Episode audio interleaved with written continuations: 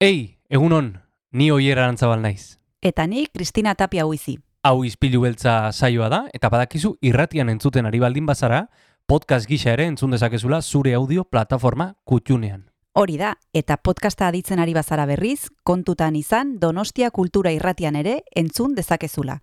FM eundazazpi puntu lau frekuentzian. Sare sozialetan ere topatuko gaituzu noski, izpilu beltza bilatuta, Instagram, Facebook eta Twitterren. Besterik gabe, guazen gaurko saioarekin. Az gaitezen,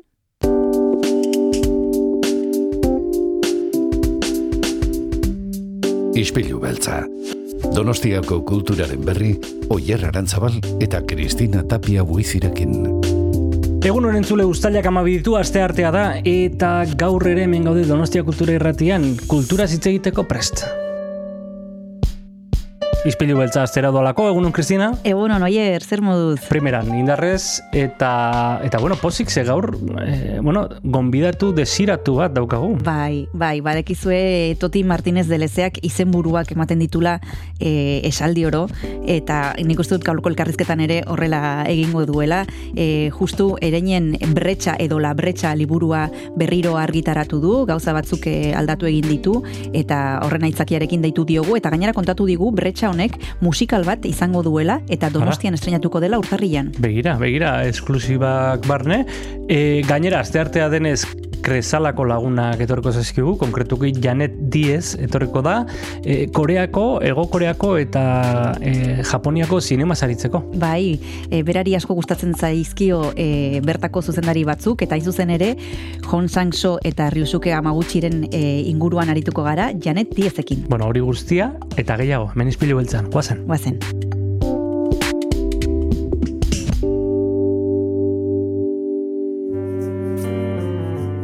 Goazen bagarko saioarekin, Zea Maiz eta Rosalen eh, abeslariak egin duten kolaborazio ederrarekin, hause da Ez naiz ni.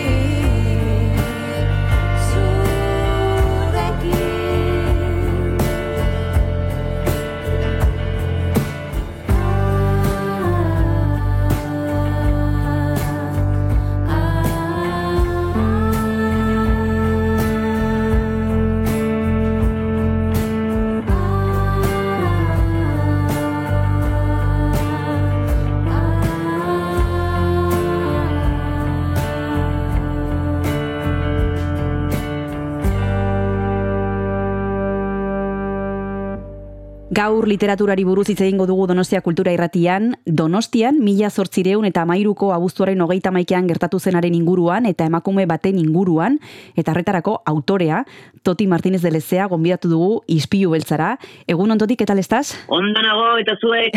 Ondo, zurekin hitz egiteko gogoarekin, porque tenemos trabajo nuevo, La Brecha, y sin que nos desveles demasiado, cuéntanos, ¿qué es la, ¿cuál es la historia que nos relatas en esta, en esta novela? Bueno, en realidad esta novela salió, se editó hace ya unos cuantos años.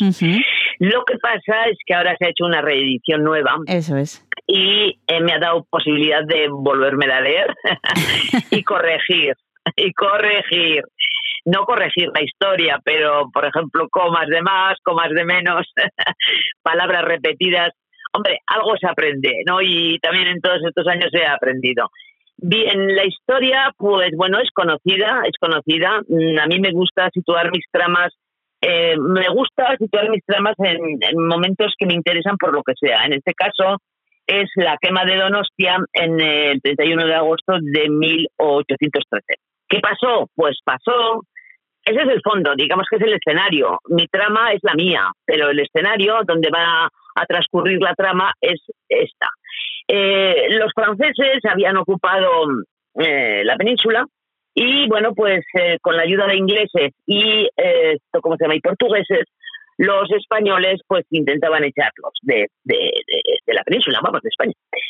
La última zona que quedaba era pues Iruña y Donostia. Más Donostia porque era un puerto, un sitio importante por el fuerte, que cada vez que había entre España y Francia había algún problema, pues los franceses entraban, ocupaban el, el fuerte. ¿Y qué pasó? Pues que anteriormente, un mes antes, había habido la batalla, famosa batalla de Vitoria, que nunca ocurrió en Vitoria, porque ocurrió en los pueblos de alrededor, mm.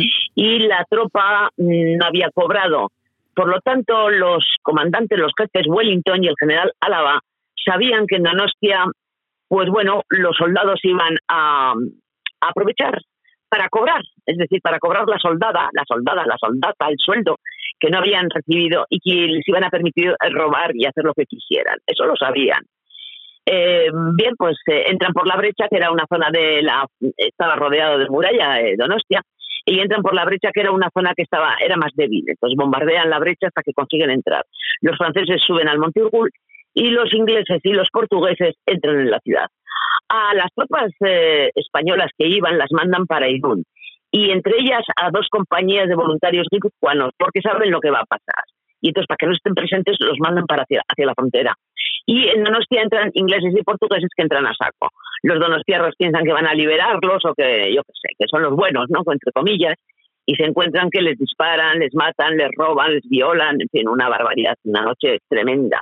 Al día siguiente se marchan eh, los echan a, los ciudadanos que quedan, que había unos 5.000, porque en que había entonces en la época cerca de 10.000 personas, pero ya la mitad se habían marchado antes de que llegaran, porque sabían que llegaban. Entonces, bueno, pues los otros 5.000 quedaban por ahí, 5.000 o los que fueran, no sé exactamente el número, eh, los echan, los echan de la ciudad y entonces queman casa a casa eh, pues todos los edificios de, de Donostia, menos la última acera de la última calle que entonces era la Trinidad y ahora se llama 31 de agosto. Dejan las dos iglesias, el convento de San Telmo y bueno, esas casas. Bien, ese es el escenario, pero yo no escribo historia, quiero decir que para eso están los historiadores, ¿no? Ese es el escenario de los hechos. Mi historia es la de una chocolatera em, viuda, joven, cuarenta y tantos años, cuarenta, que tiene una hija de 17 con la que tiene problemas, porque los hijos de 17 dan problemas, y que decide que ella no se va a marchar, que se queda, que se queda para defender su negocio y en Donostia había muchas chocolaterías, qué cosas, ¿verdad? Había unos 30 talleres de chocolates, de chocolatería, de chocolates, de confituras, que se vendían al pues a la, corte española y a la corte francesa y pues porque les llegaban los barcos con el chocolate, con el cacao, perdón, el chocolate no, con el cacao que venía de África y de América. Y bueno, pues esa es la historia, el, el drama. En realidad, cuando escribo algo, quiero contar algo y no quiero contar exactamente eh, el tema de la quema de Donostia. Lo que quiero contar es la barbaridad de una guerra, la barbaridad que sufren los de a pie. Nosotros, los de a pie, sufrimos porque no entramos ni salimos en estos asuntos importantes de guerras y demás, pero lo sufrimos, claro, porque es la población eh, de a pie la que sufre, pues eso, los ataques, los robos, las muertes y las violaciones. En Donostia violaron a todas las mujeres entre 8 y 80 años y hay testimonios de que así fue. bueno, pues eso ya me daba para hacer una novela. Hmm. Eh, decías, Toti, que esto es una, una, reedición y que has tenido que volver a repasar tu propio libro. Yo no sé si es algo que haces habitualmente. ¿Te gusta releer tus libros? Y yo no sé si te sientes cómoda con lo que escribiste, pues en este caso hace un tiempo, en otros libros pues hace más tiempo. ¿Cómo, cómo es la revisita a tus propios libros? Ah, pues, eh, pues está siendo muy interesante porque lo importante cuando, a ver, cuando escribes bueno, pues eh, escribes con, entusiasmo, ¿no? Y bueno, con lo que sea, pa, pa, pa. Y luego lo dejas. Eh, y te metes en otras historias. Cuando vuelves a recuperar un libro que has escrito hace 10 años, por ejemplo, eh, bueno, yo personalmente no sé a otros autores, pero a mí personalmente pues me sorprende lo que leo. Es como si estuviera leyendo el libro de otra persona, ¿no? Y en este caso concreto, pues la verdad es que me ha encantado. ¿Qué quieres que te diga?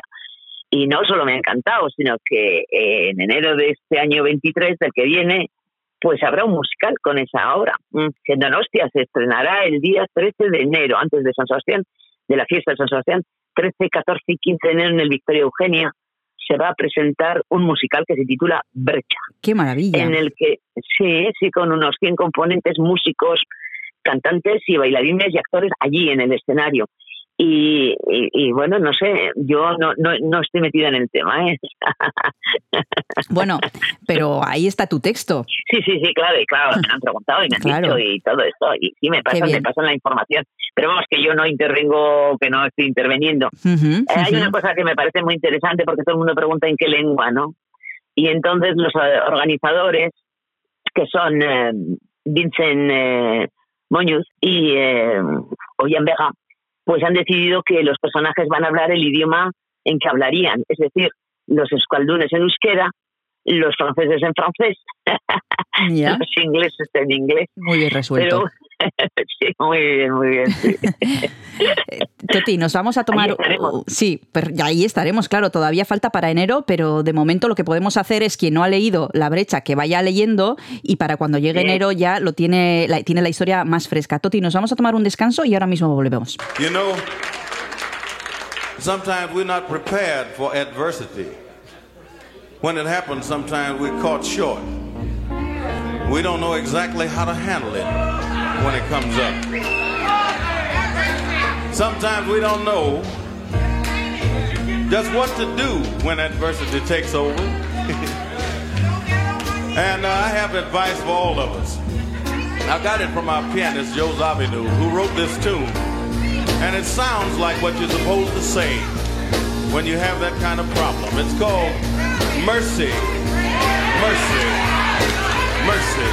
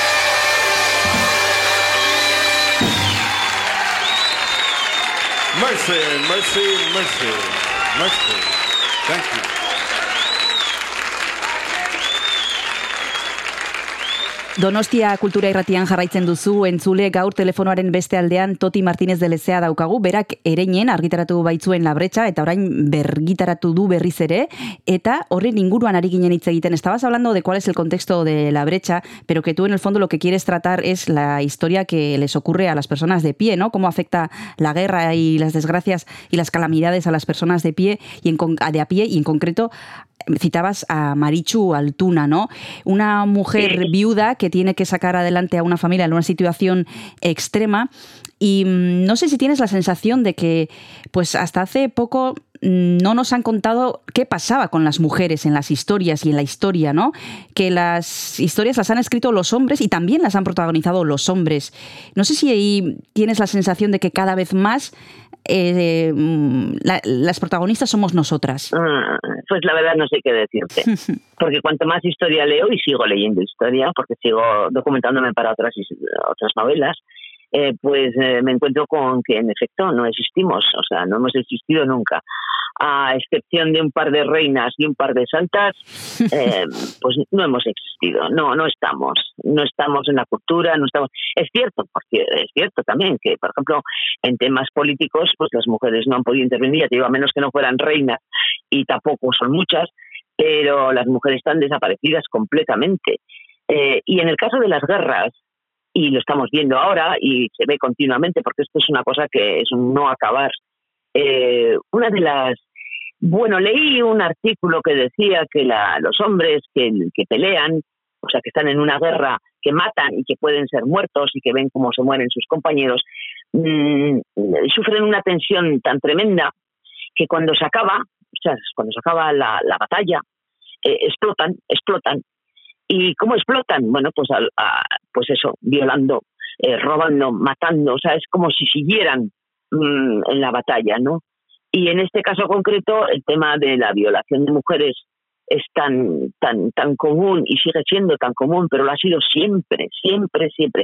En el caso de Donostia, no solamente hay testimonios que se recogieron un año después, todos hombres, por cierto, los que testificaron ante notario, todos hombres, sino que además, bueno, hay unos registros de nacimientos en las dos parroquias, en San Vicente y Santa María, ¿no? De, niños sin padre, o sea, niños nacidos nueve meses después, sin padre, o sea, solamente con madres, ¿no? O sea, que el resultado de las violaciones. Em, ya te digo, hay, hay testimonios de niñas de ocho años violadas delante de su familia, de mujeres de 80 años violadas y luego tiradas por la ventana, por el balcón, de unas chavalas, unas chicas jóvenes a las cuales violaron y después las metieron en una bodega y le prendieron fuego a la bodega con ellas dentro. De otra chavala que violaron y luego la ataron a una cuba de una cuba de, vino sería, ¿no? De sidra. Y la y le metieron la bayoneta por su por sus partes, ¿no? En fin, estas barbaridades ocurren. Lo que pasa es que no nos gusta, ¿no? Eh, sí, ojo, qué pena, qué pena, qué desgracia y pero no, no, no, no decimos más. Y luego en este caso concreto ya te digo, los, los mandos, los mandos, estos tan famosos, el, el general Wellington y el general Álava, pues permitieron, pues sabiendo que esto era lo que iba a ocurrir, lo permitieron. Bien, pues esa es la historia. Un, una cosa que te quería comentar, la brecha está en castellano, pero en euskera también está, ¿eh? Se titula Brecha. Mm, brecha. Eso es. De hecho, el título del musical va a ser Brecha, Brecha. Brecha. Con, o son, con euskeras, eso es. Euskeras, Euskeras, eh, TX y, y, en castellano con CH, La Brecha. Perfecto. La brecha. Eh, no sé si ¿Alguna vez has escuchado eso de que lo que escriben las mujeres es para las mujeres? Hablando de mujeres eh, que no estamos en los libros y mujeres que no estamos en las historias. No sé si te ha tocado escuchar eso, a mí sí. Y mm, no Ah, sé sí, qué, se te ha pata- ta- qué, se te ha pasado por la cabeza cuando, cuando No, has tenido pues, que oír eso. Me he reído, pero sí, sí, sí, claro que lo he oído, me lo han dicho además a la cara, o sea, eh, es una cosa increíble. Sin embargo, eh, las grandes novelas, o las que se supone que son las grandes novelas de la historia, pues tienen como protagonistas a mujeres, aunque hayan sido escritas por hombres, ¿no? Eh, pues no lo sé, ¿qué te voy a decir? Eh, mm, Ana Karenina, por ejemplo sí.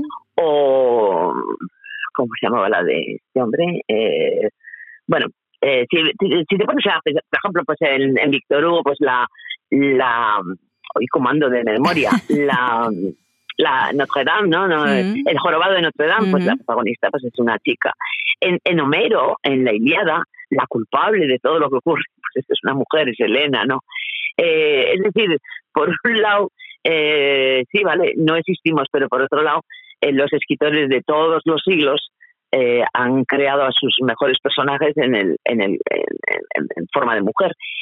Pero hay una cosa que sí suelo yo comentar con algunos amigos. Yo, yo no sé lo que siente un hombre, no lo sé, no lo puedo saber. Lo que siente un hombre, por ejemplo, cuando hace el amor o cuando mata a otro. Es que no lo sé. Eh, sí sé lo que siente una mujer. A ver, cuando mata a otra no, porque yo, la verdad, no he matado a nadie. Pero lo que es la. Que un hombre me, me describa, por ejemplo, un parto, pues vale, pues muy bien, pero si no lo ha pasado, pues no lo sabe.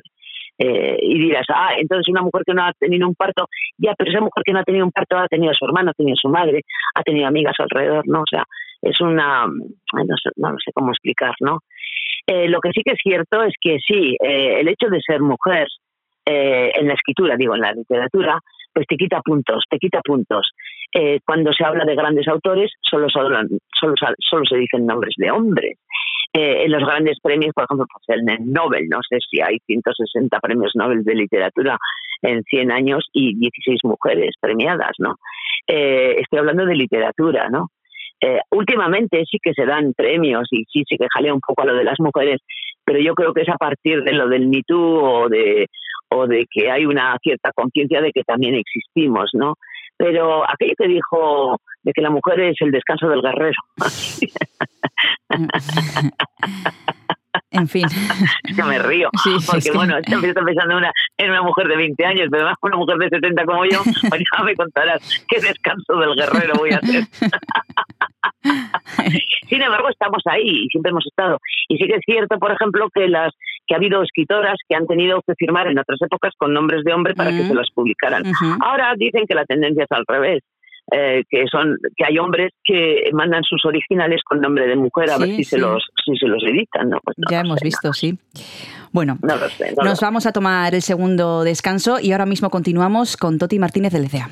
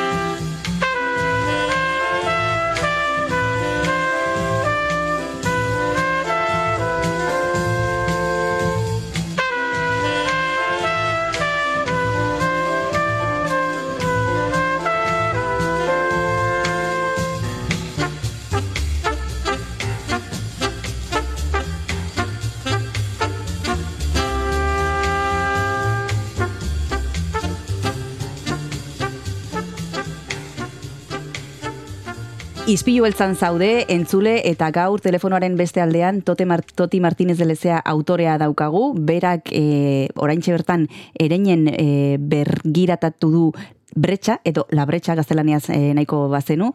Eh, Toti, estábamos hablando de literatura, de mujeres, de tus trabajos. Si algo tienen tus trabajos es que son éxitos de venta, podríamos decir bestsellers, pero yo no sé si cuando trabaja, cuando publicas uno nuevo, cuando te toca sacar una novela nueva, sientes vértigo o también tranquilidad por saber que tienes una comunidad fiel que va a estar ahí esperándote? Bueno, ya lo he dicho muchas veces y creo que lo sabrás, ¿no? Que yo empecé a escribir con 50 años porque hice una apuesta con un amigo que me dijo que no era capaz de escribir una novela y la escribí. Eh, esa novela la guardé porque normalmente los escritores nuevos pues a todo correr quieren que les publiquen su obra y eso es muy difícil. Para mí no se me ocurrió, la metí en un cajón y pensé, bueno, qué divertido, ¿no? Qué entretenido, qué bonito. Pues voy a empezar con otra. Siempre he sido contalari, he sido contalari desde cría, ¿no? Y en otra vida probablemente iba de pueblo en pueblo contando historias.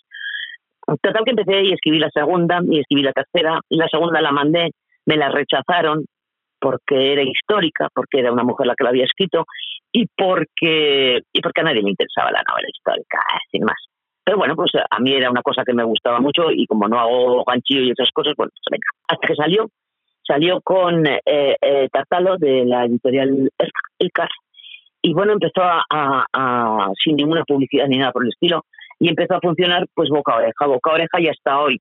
Al cabo de tres novelas publicadas, pues dejé de, trabajar en mi otro oficio que era eh, traductora y me dediqué a escribir. no siento ni pánico, ni, ni, ni expectación, nada, no siento absolutamente nada quiero decir, cuando me publican un libro, pues estoy encantadísima de verlo con tapas, como digo yo. Está con tapas, qué bonito, ¿no? Y luego, pues disfruto mucho cuando alguien me dice que lo ha leído y que le ha gustado, ¿no? Porque también me dicen eh, que a este no me ha gustado, bueno, ¿qué le vamos a hacer, no? Cada cosa es la que es y yo pues escribo lo que me apetece en cada momento o lo que me pide el cuerpo, no lo sé, no lo sé. En este momento, por ejemplo, estoy con una experiencia nueva eh, y es escribir sin diálogos, ¿no? En prosa, todo en prosa. Sí, sí. Trabajo, es, esto es más difícil de lo que creía, porque eh, tú tienes que contar lo que te han dicho o lo que has visto, y claro, el tema de los verbos repetidos, que es ya una obsesión casi, lo había llegado ya, y habían llegado, nombre, no, dos veces llegado no puedes poner en un párrafo. Bien, es un ejercicio interesante ya veremos, ya veremos. Y esa es la historia de mm, siete generaciones de mujeres, ¿no? Todas hijas de la, de anterior, ¿no? Uh, bisabuela, abuela, madre, hija, nieta, nieta. Eh, a lo largo de un siglo y pico, ¿no? Y, y cómo cambian las circunstancias de estas mujeres durante ese tiempo. Otra cosa que me suelen decir, ya que estamos en ello, es que y me lo dicen muy a menudo, que como, bueno, pues está la comonera, está la, la, herbolera, está la abadesa, pues que escribo novelas, eso, para mujeres y sobre protagonistas femeninas. No es cierto, no es cierto. La mitad de las novelas o más son protagonistas masculinos, eh, los importantes de, de, la historia, ¿no? Pero bueno, esas por lo que se ve, pues, pues tocan más cerca a las lectoras, que son más que los lectores en, cifras estadísticas. Eh, pero no esa es la intención. La intención es, vamos a ver, en el mundo estamos, eh, hombres y mujeres, pues no vamos a escribir solo historias de hombres, vamos a escribir historias de mujeres también, ¿no? Y no siempre de segundonas o de, o de por culpa de esta mujer, porque por ejemplo, además es muy divertido, porque por ejemplo, esas novelas que Madame Bovary, esa es la que no me salía, Madame Bovary o Ana Karenina o tal, son mujeres que en su momento se escribe o se independizan, eh, quieren vivir su vida, tienen amores prohibidos, la regenta, por ejemplo, pero siempre acaban mal. Eh, siempre acaban mal, o se suicidan, o acaban solas, o acaban no sé qué. Y esa es una visión masculina de la historia, así de claro, ¿no? Si tú no accedes, eh, ten en cuenta que llevamos dos mil años escuchando eso de uh, tú, ¿cómo es? Te ganarás el pan con el sudor de tu frente al hombre y a la mujer. Tú parirás con dolor y estarás bajo el dominio del hombre. Ese estarás bajo el dominio del hombre. Se ha mantenido por filósofos, moralistas, padres de la iglesia, políticos, legisladores, jueces, o sea, ha sido una continuidad, ¿no? Y siempre es lo mismo, tú estás bajo el hombre. De hecho, de hecho, tengo recogidas, yo qué sé, de vez en cuando doy una charla sobre el tema, y tengo recogidas eh, frases, pero de ya desde la época de Aristóteles, de Platón, de, de, grandes personajes de la historia, de grandes eh, escritores, de grandes filósofos, en los que dicen, pues eso, que la mujer es un hombre mal hecho, que es un hombre incompleto, que no tiene inteligencia. En fin, ¿qué quieres que te cuente? En fin. ¿Y mm, has percibido alguna vez, Toti, que las mujeres lectoras te han agradecido tus libros por haberles mostrado, pues es, tú, como decías, también hay protagonistas masculinos en tus libros, pero es verdad que hay mujeres también. Y mm, mujeres lectoras que te han agradecido pues que hayas puesto sobre la mesa y en, tus libros y en tus historias, pues historias que de otra manera no habríamos tenido acceso a ellas. Pues no, no, o sea, no especialmente porque haya una protagonista femenina, no, no, no por eso, sino porque les ha gustado la historia en general.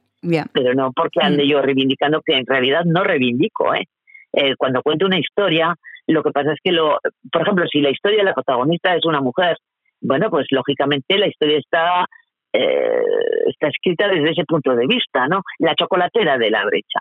Ella es la protagonista. Eh, ¿Por qué? Pues por lo que te contaba antes. Porque les destruyen, les destruyeron los negocios a las gentes, violaron a las mujeres. Bueno, pues he elegido esto, una mujer. Una mujer que está peleando porque para sacar el, negocio adelante y estamos en 1813. Que no está bien visto que una mujer eh, sea dueña de una empresa, pero es que es que lo eran porque la mujer del herrero, si se quedaba viuda, se quedaba con la herrería. La hija del pescador se ocupaba de la pesca y de la venta del pescado. La mujer del otro, o sea, es que eso de que la mujer eh, ha estado en casa es mentira. La mujer ha estado trabajando igual que el hombre en el campo, en la costa y en todas partes. Pero claro, la mujer de a pie, no, no las grandes damas. En, en, este caso concreto, el de la brecha, pues Marichu es una chocolatera que se gana la vida y que quiere sacar adelante a su hija y que además tiene problemas con la hija porque es adolescente y todo lo demás y sufre todo eso que va a pasar, que va a pasar y que mujeres con nombres algunas incluso, porque en esos testimonios se recogieron nombres, sufrieron esa noche, ¿no? Sufrieron ese día, pues, sin más, o sea, el, yo creo que me agradecen que les cuente la historia en general, no, no que sea especialmente porque la protagonista sea una mujer, no. Porque, por ejemplo, en esa novela, en Brecha, está el padre de la, de la Marichu, eh, y hay una relación entre los dos que es tirante, pero que se van entendiendo a lo largo de la novela, ¿no? Y hay otro que está enamorado de la Marichu, pero que la Marichu no quiere saber nada. Eh, y entonces, bueno, eh, le ayudan durante todo el tiempo el, el, este, el enamorado. En fin, ah, son historias, ¿no? Sin más. Mm, son historias sin más. Para terminar, Todi, también me gustaría hablar de otro tipo de lector, que son los chiquis, para quienes también has escrito. Eh, ¿Cómo describirías a, este público en el que has tenido tantísimo éxito? Eh, a, los, a, los, pequeños, a los niños y a las niñas. Eh, un público más pequeño en altura y en edad, pero también supongo con sus, con sus, mm, con sus propias opiniones sobre tus libros. Bueno, pues, eh, pues fíjate tú. Empecé porque mi nieta Nur sí. se fue a China a vivir con sus padres. Eso es. Mm. y yo le echaba en falta y no tenía más nietas. Si hubiese sido un nieto, pues el protagonista habría sido un chico, pero como era una nieta, pues la protagonista una chica, sin más, sin más eh, pensaba escribir un libro. y ahora estoy, en este momento me pillas haciendo el número 17. Han pasado años, la niña, la niña ha crecido, pero la dejé en 11 años y ahí se ha quedado. Em, pues al principio, como la protagonista era una chica, pues no leían más que las niñas, ¿no? Y yo a los chavales, eh, por ejemplo, en, Durango y así les decía que, no, es que es de chicas, digo, es de chicas, yo me he leído Robin Hood y Robinson Crusoe y el, ratón Stilton o Harry Potter, ¿eh? y los protagonistas son chicos y me los he leído, así que no veo por qué no vas a poder tú leer este que sea. Además, también salen chicos en las historias y, y son todos reales, todos los protagonistas que salen son, son niños que existen, que son reales. Bueno, ahora algunos ya han crecido también, pero bueno. Sí, porque primero fueron los amigos de Nur, después fueron los hijos de los amigos míos, ahora son los nietos de los amigos míos. Entonces, eh, he visto, he notado que, cada vez más los chavales también están leyendo las historias y les gustan, ¿no? Incluso piden aparecer en los libros. Y cuando voy a las escuelas o lo que sea a dar una charla, a veces son los chicos los que más hacen preguntas, más que las chicas, ¿no? Está muy bonito. Pero vuelvo al, tema de siempre, ¿no? ¿Qué es que es una chica? ¿Y qué? ¿Y qué? Pues ¿y qué más da? Si, si, si da lo mismo, ¿no? Eh, pero no, no, bien, bien, bien. Y además estoy encantada. Ahora ya te digo, ya pensé, bueno, un libro, luego, bueno, pues seis, bueno, ver, con diez ya va una docena, vale. Ya estoy en el 17. Lo que vemos, Toti, es que no te aburres porque estás en el 17 No. con NUR. Tenemos otro proyecto que nos acabas de citar eh, que verá la luz cuando lo termines, eh, la- esa historia Ah. de siete generaciones de mujeres. También tenemos el musical eh, de la brecha que, que tendremos en, en enero. Eh, o sea que la actividad no para. Eh, Espérate tú, espérate tú. Mañana eh, presento un concierto de coros del coro de ingenieros de Bilbao. Tengo que presentar el concierto, pero no es presentar el concierto. Esta canción que van a cantar ahora es tal. No, hay que decir algo más. Luego, el sábado, estoy con Arrobi Danza Verticala. ¿Sabes quiénes son? Eh, Arrobi Danza Verticala las vi hace un mes en el Cursal, en Anda. Donosti. Que se lanzan con unos cables y bailan. Son unas chicas que bailan eh, colgadas de unos cables de edificios altos, con músicos en, en actuación también. Bueno, pues les he hecho un guion para la actuación del sábado en Guecho y allí pues también con músicos y bueno, pues que quieren que, que hable. Ya les dije cuando me, cuando me dijeron, no, pero vienes y hablas y tal, digo, ¿qué? ¿Colgada de un cable? Y, van y me contestan, ¿se puede arreglar? Y digo, ya lo que me faltaba, colgarme de un cable. Digo, ya te contaré. Luego tengo también, por ejemplo, vamos a ir a Viana eh, a final de mes a hacer una actuación con eh, Gorka Hermosa, uno de los mejores acordeonistas del mundo, y Edurne Zavalo, que es clarinetista, y entonces hablamos de brujas. Eh, les, les cuento la historia de la brujería eh, en primera persona. Y ellos pues tocan y yo hablo, ellos tocan y yo hablo, y a veces pues eh, tocan y hablo a la vez. Eh, hay un montón de proyectos, sí, tengo un montón de cosillas. Bueno, Sí. pues iremos dando cuenta de todos ellos. Eh, de momento tenemos un montón de lectura, eh, si queremos, de Toti Martínez de Lecea, Sí. que podemos encontrar tanto en las librerías como en las bibliotecas de Donostia Cultura.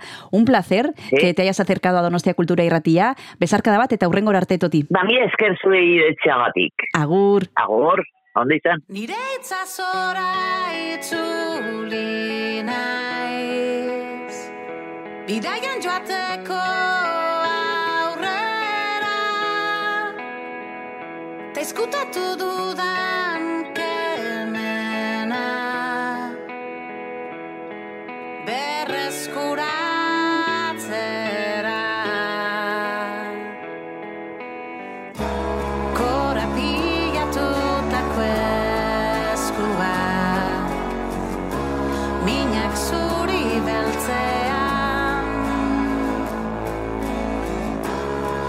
cantar.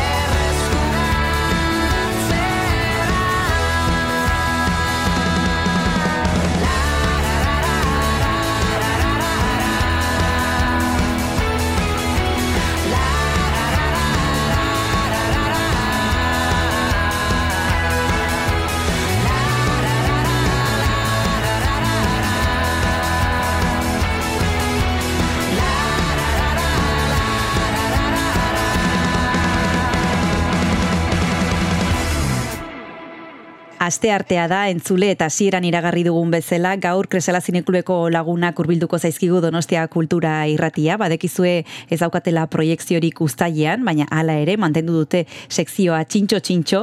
Eta gaur telefonoaren beste aldean Janet Diez daukagu Koreako eta Japoniako zinemaren inguruan hitz egiteko. Egunon Janet zer modu zaude? Ba egunon. E, bidaiatzeko goakin eta bai, hitz egiteko bai. Bai eta gainera oso urrun joan bar gara e, munduaren beste puntaraino e, Japoniara eta Ego Koreara.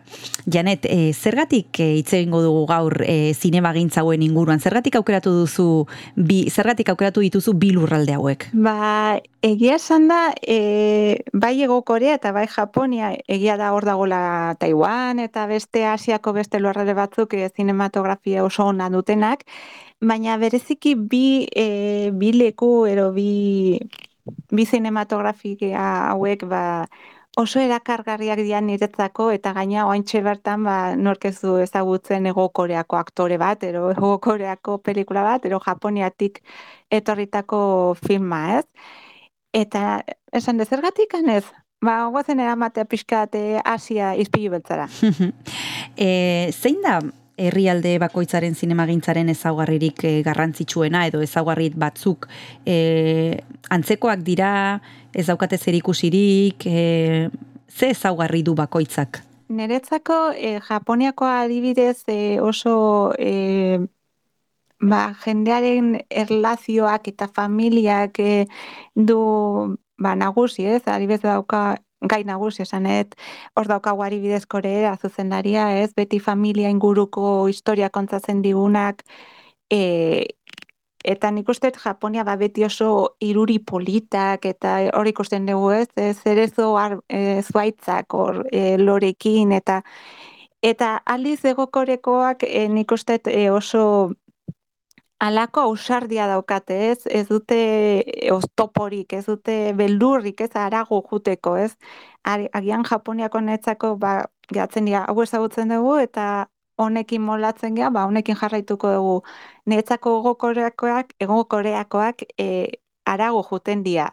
Saiatzen dira ba e, gauz berriak ikutzen, gauz berriekin jolasten eta netzako dia diferentzia nabarmenak. Orantxe bertan jarraituko dugu honen inguruan hitz egiten, baina deskantsu bat hartu behar dugu, eta horretarako, janet, abesti bat eskatu behar dizut, ez dakit eh, zer proposatuko duzun deskantsu ontarako? Ba, orain dela gutxi jakindet, e, oantxe, ustaiean, e, ustete, ustaiako gehieta bian, e, dela konkretuki, e, mononoke printzesak e, hogeita urte betetzen ditu bere estrenalitik, eta uste gainea, e, pantailan dian ikusteko aukera izango degula. Espero dut, e, sare edo zinesa ero areto batek e, donostira ekartzea.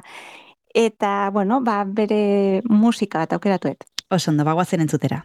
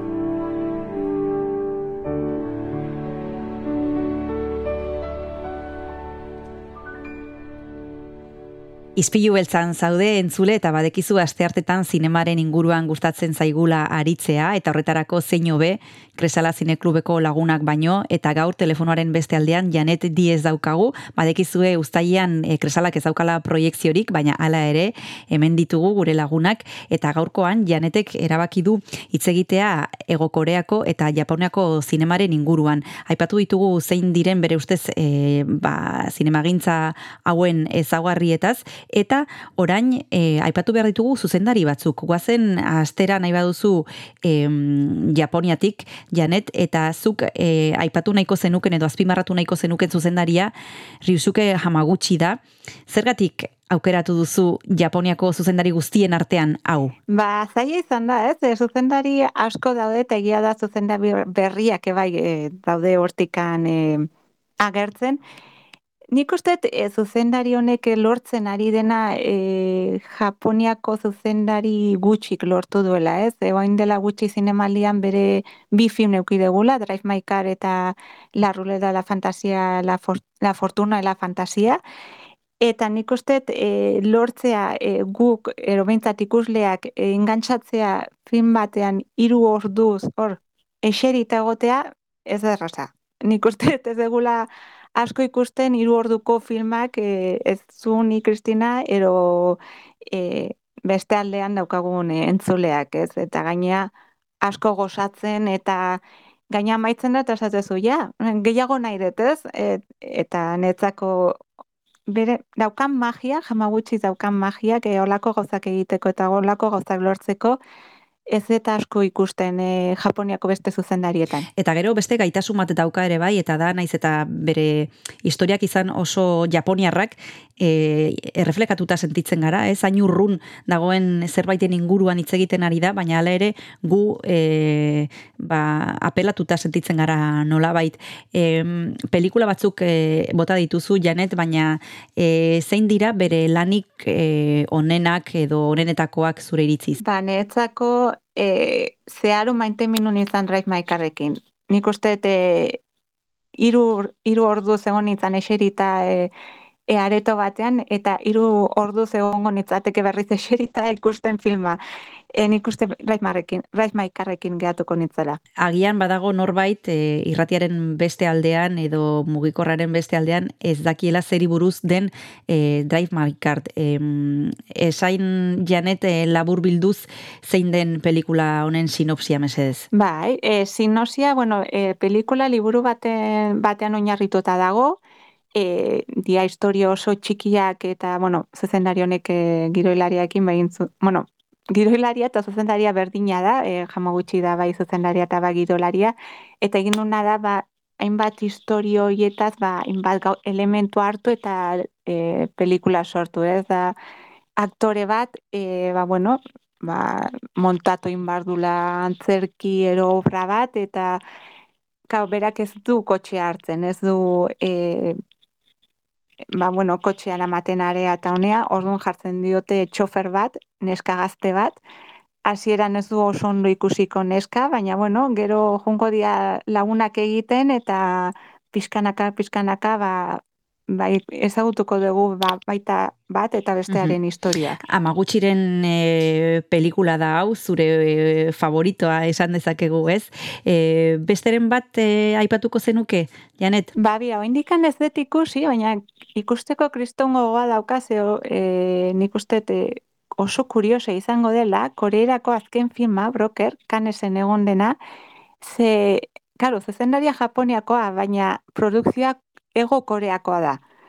Elenkoa ego koreakoa eta korean grabatu dutakoa. Orduan, interesadak eta berze egin duen, e, koreerak, eta nola lehen komentatu dan bezala, koreera betitzeiten du familia inguruko gauzez, ez? Orduan, nola hartu du hori eta junta ego koreara eta bo, han bota du, ez? Mm Interesa asko dakat. Ikusi dutenek zer esan dute, badakizu zerbait? Ba, oso gertu dakan norbaitek, kresalako kide batek e, bai ikusi du eta gustatu zaio eta bueno, e, iritzi honak iristen ari zaizkit film honetaz. Egia da korera, ba, bueno, e, bintzat hemen donostin e, oso gustoko, ero oso e, ba, zuzendari maitea da, ez? Orduan ez dut espero beste alako iritziri, baina, bueno, behintzat, neri iristen ari zaizkin iritziak e, oso onak dira. Ba, guazen bigarren deskantzua egitera, Janet, eta jarraian hitz egingo dugu Ego Koreako zinemagintzaren inguruan. Zer entzun dezakegu orain? Ba, bira, pixkat e, bidaian Ea, ba, bueno, e, lurraldeza e, aldatzeko, e, ba, aukeratu dut Ego Koreako e, proiektu baten abestia, Do You Believe in Magic, eta gero komentatuko gehiago abestiari buruz. Oso no, bagoazen entzutera.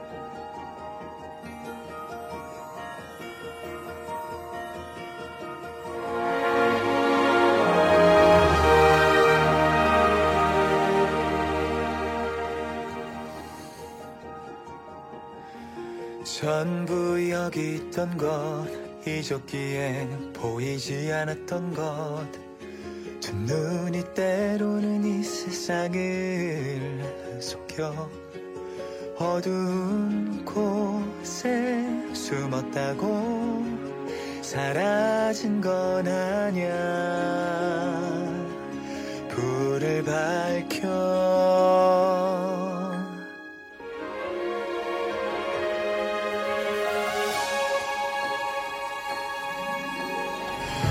가지 않던 길을 골라 겁먹을 필요 없어. 익숙해진 모든 것을 의심해봐. 반갑지 않니? 처음 네 모습이 어떤 상처도 어떤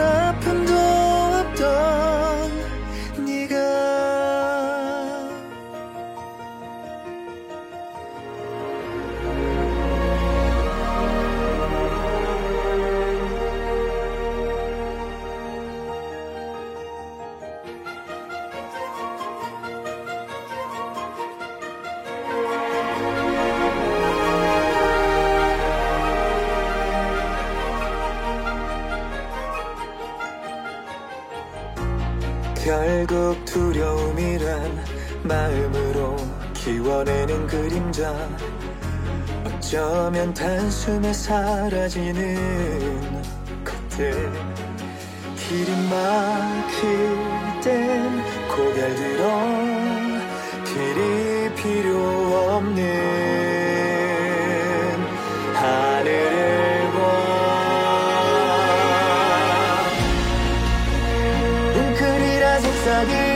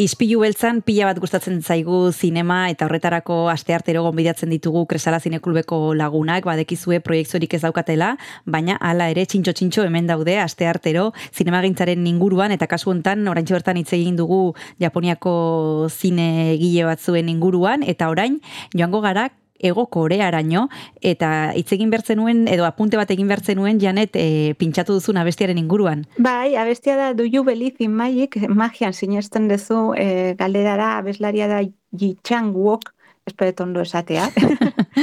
Hemen hizkuntzak ebailantzen ditugu, ematen Eta, bueno, abestia da The Sound of Magic e, seriarena, oen dela gutxi estrenatutakoa da.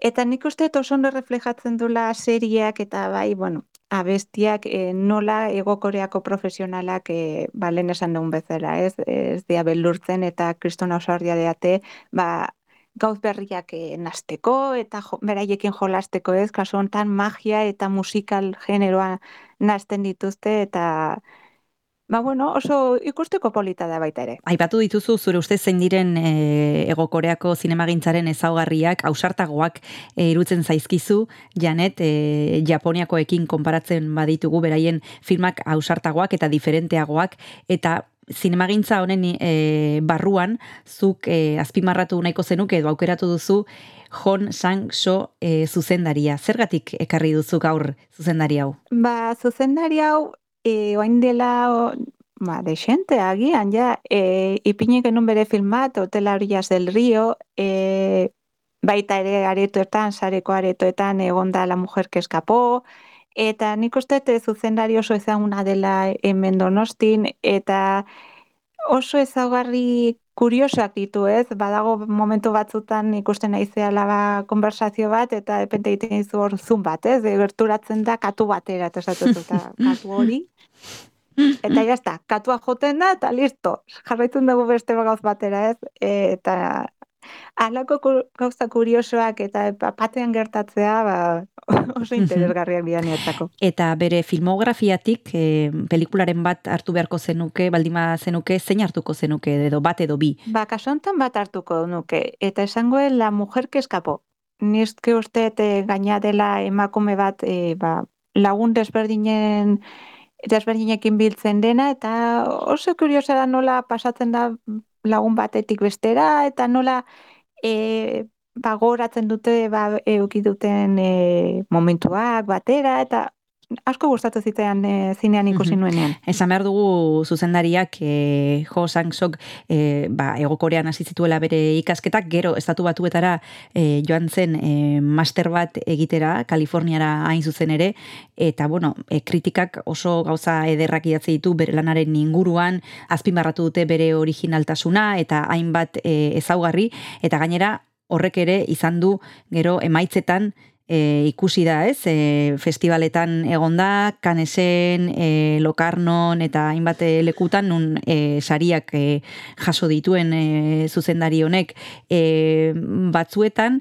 kritika eta publikoa ez doaz bide beretik e, pelikula hauek e, jendearentzat zailak dira Janet. Agian ez gaude hain oituak, ez? E, oituago agian gaude ba ikustea e, komertzialago diren filmak, ez? E, beti esaten en Marvel, ze aribide oso, oso ona da, ez? Denek daukat, daukagu buruan Marveleko pelikula, baina, bueno, Marveleko edo Disneyko filmak e, erraxago jarraitzen ditugu, Baina, bueno, e, ikusten baritugu desente filmak, e, kaso honetan ego koreakoak, ba, segituan e, e, hartuko ditugu bederrimoa, eta oso ondo e, jarraituko ditugu, ez?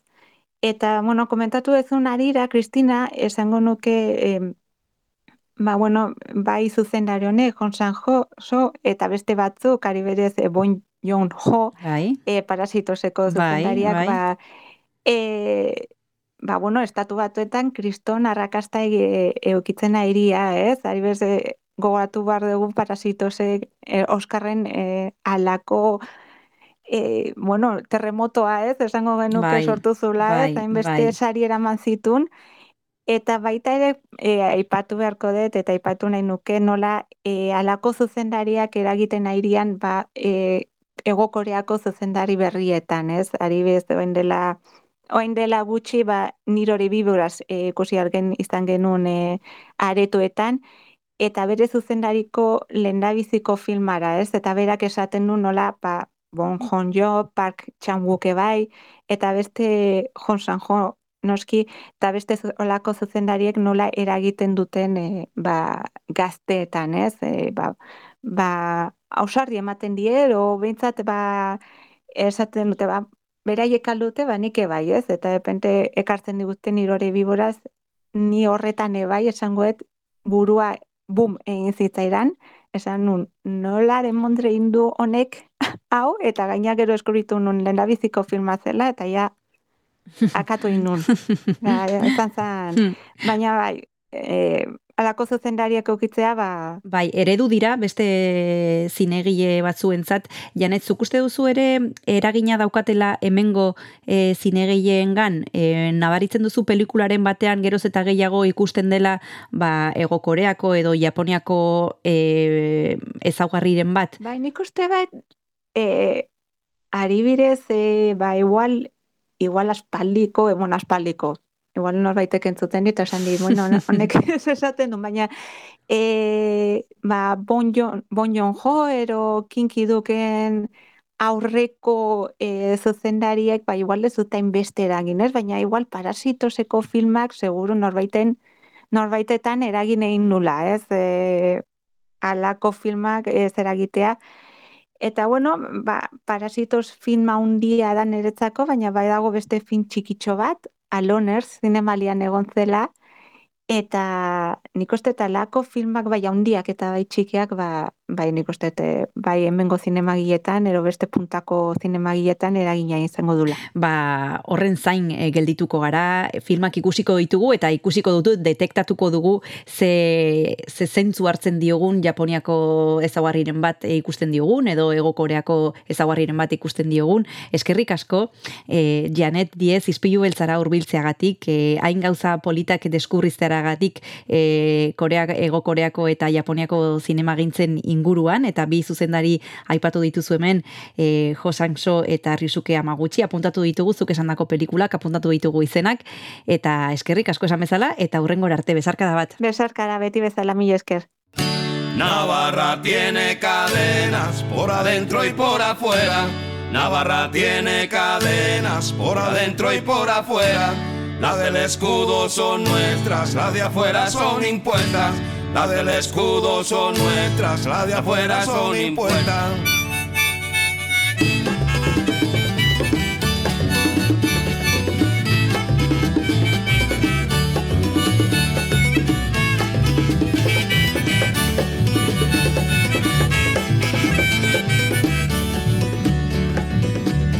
Sancho el fuerte, Sancho el fuerte, Sancho el fuerte si viviera, uniría a los navarros para romper las cadenas. Si antes eran moros que atacaban las fronteras, ahora se llaman cristianos, van vestidos de etiqueta. Navarra tiene cadenas por adentro y por afuera.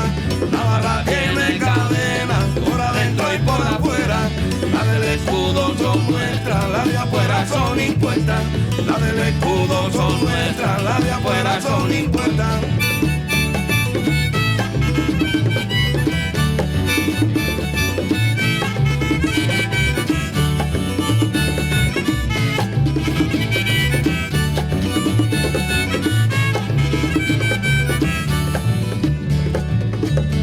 En el 1512 el duque de Alba entró ejército en Pamplona partiendo Navarra en dos. Desde entonces en Navarra, rey de Castilla mandó. Se rieron los monarcas, pero Navarra lloró. Navarra tiene cadenas por adentro y por afuera. Navarra tiene cadenas por adentro y por afuera. Las del escudo son nuestras, las de afuera son impuestas. Las del escudo son nuestras, las de afuera son impuestas.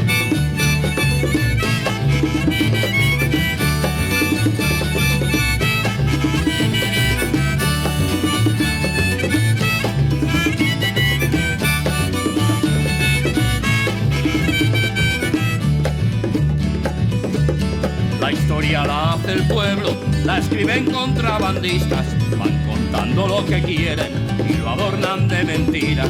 Pero un lema nos dejaron los infantes de Obanos, ser libres en patria libre, que Navarra no ha olvidado. Navarra tiene cadenas por adentro y por afuera. Navarra tiene cadenas por adentro y por afuera. Las del escudo son nuestras, las de afuera son impuestas. Las del escudo son nuestras, las de afuera son impuestas.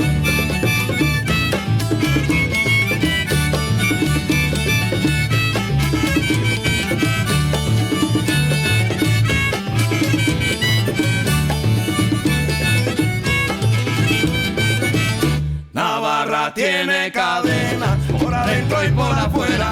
Navarra tiene cadenas por adentro y por afuera. Las del escudo son nuestras.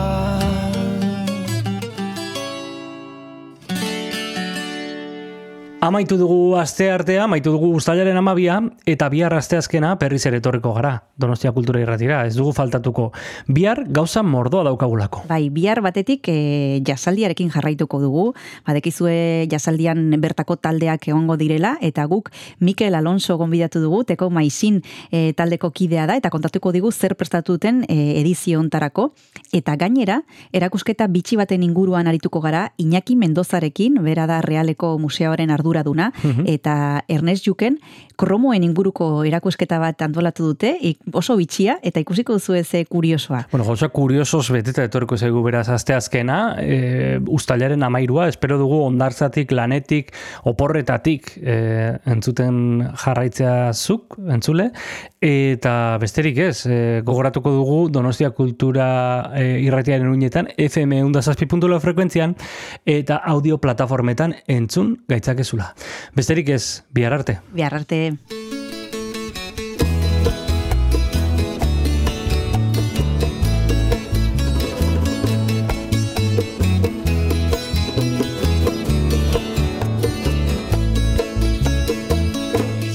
Eselek dago Raia barrenia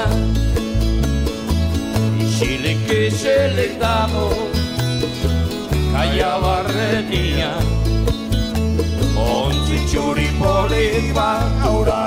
gainean, uraren gainean Ontzi txuri polit bat Uraren gainean, uraren gainean Goizeko ordu bieta Esnatutzen gera. Goizeko ordu bieta Esnatutzen gera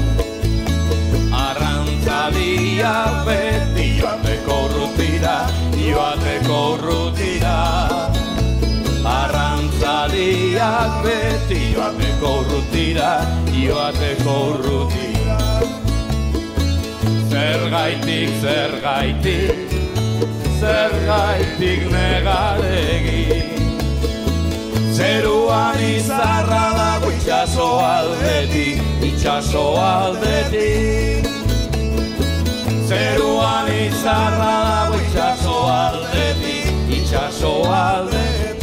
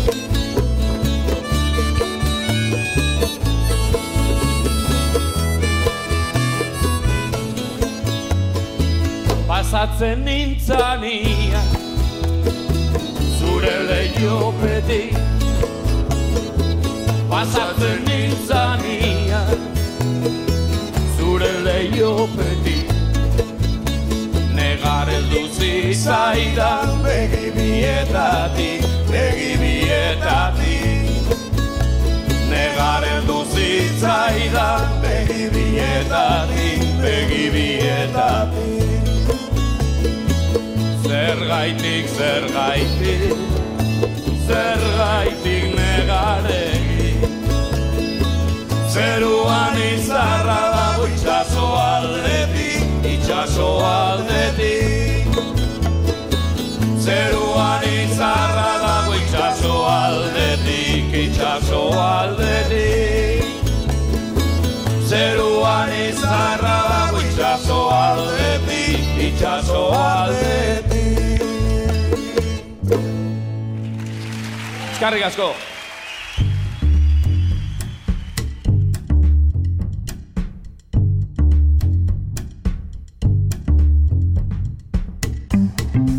Kanta katilua. Jon Gartziaren eskutik. Kaixo entzule ongietorri izpi beltzaren amaierara, amaiera musikalak eukitzen ditugu egunero egunero hemen e, kantakatiluan, Donostia Kultura Irratiko uinetan, eta askotan esan dizuegu diskoak e, asko gustatzen zaizkigula, diskoak entzutea e, hasi eta bukatu, eta gaurkoan hainbeste gustatzen zaigun razio irukoitza izango dugula, e, talde beraren hiru lanak ezagutuko ditugu, lan laburrak dira, baina hiru disko hauekin nik uste asetuko garela gaurkoz eta fufu taldeari buruz eh, ari gara irungo bikotea da roka eta post-jarkora jorratzen dute eta azken urteetan atera dituzte lerdea eskuak eta labanak izeneko hiru diskak guazen astera lehenengo diskoko lehen kantuarekin hau da ikuskizun lizun.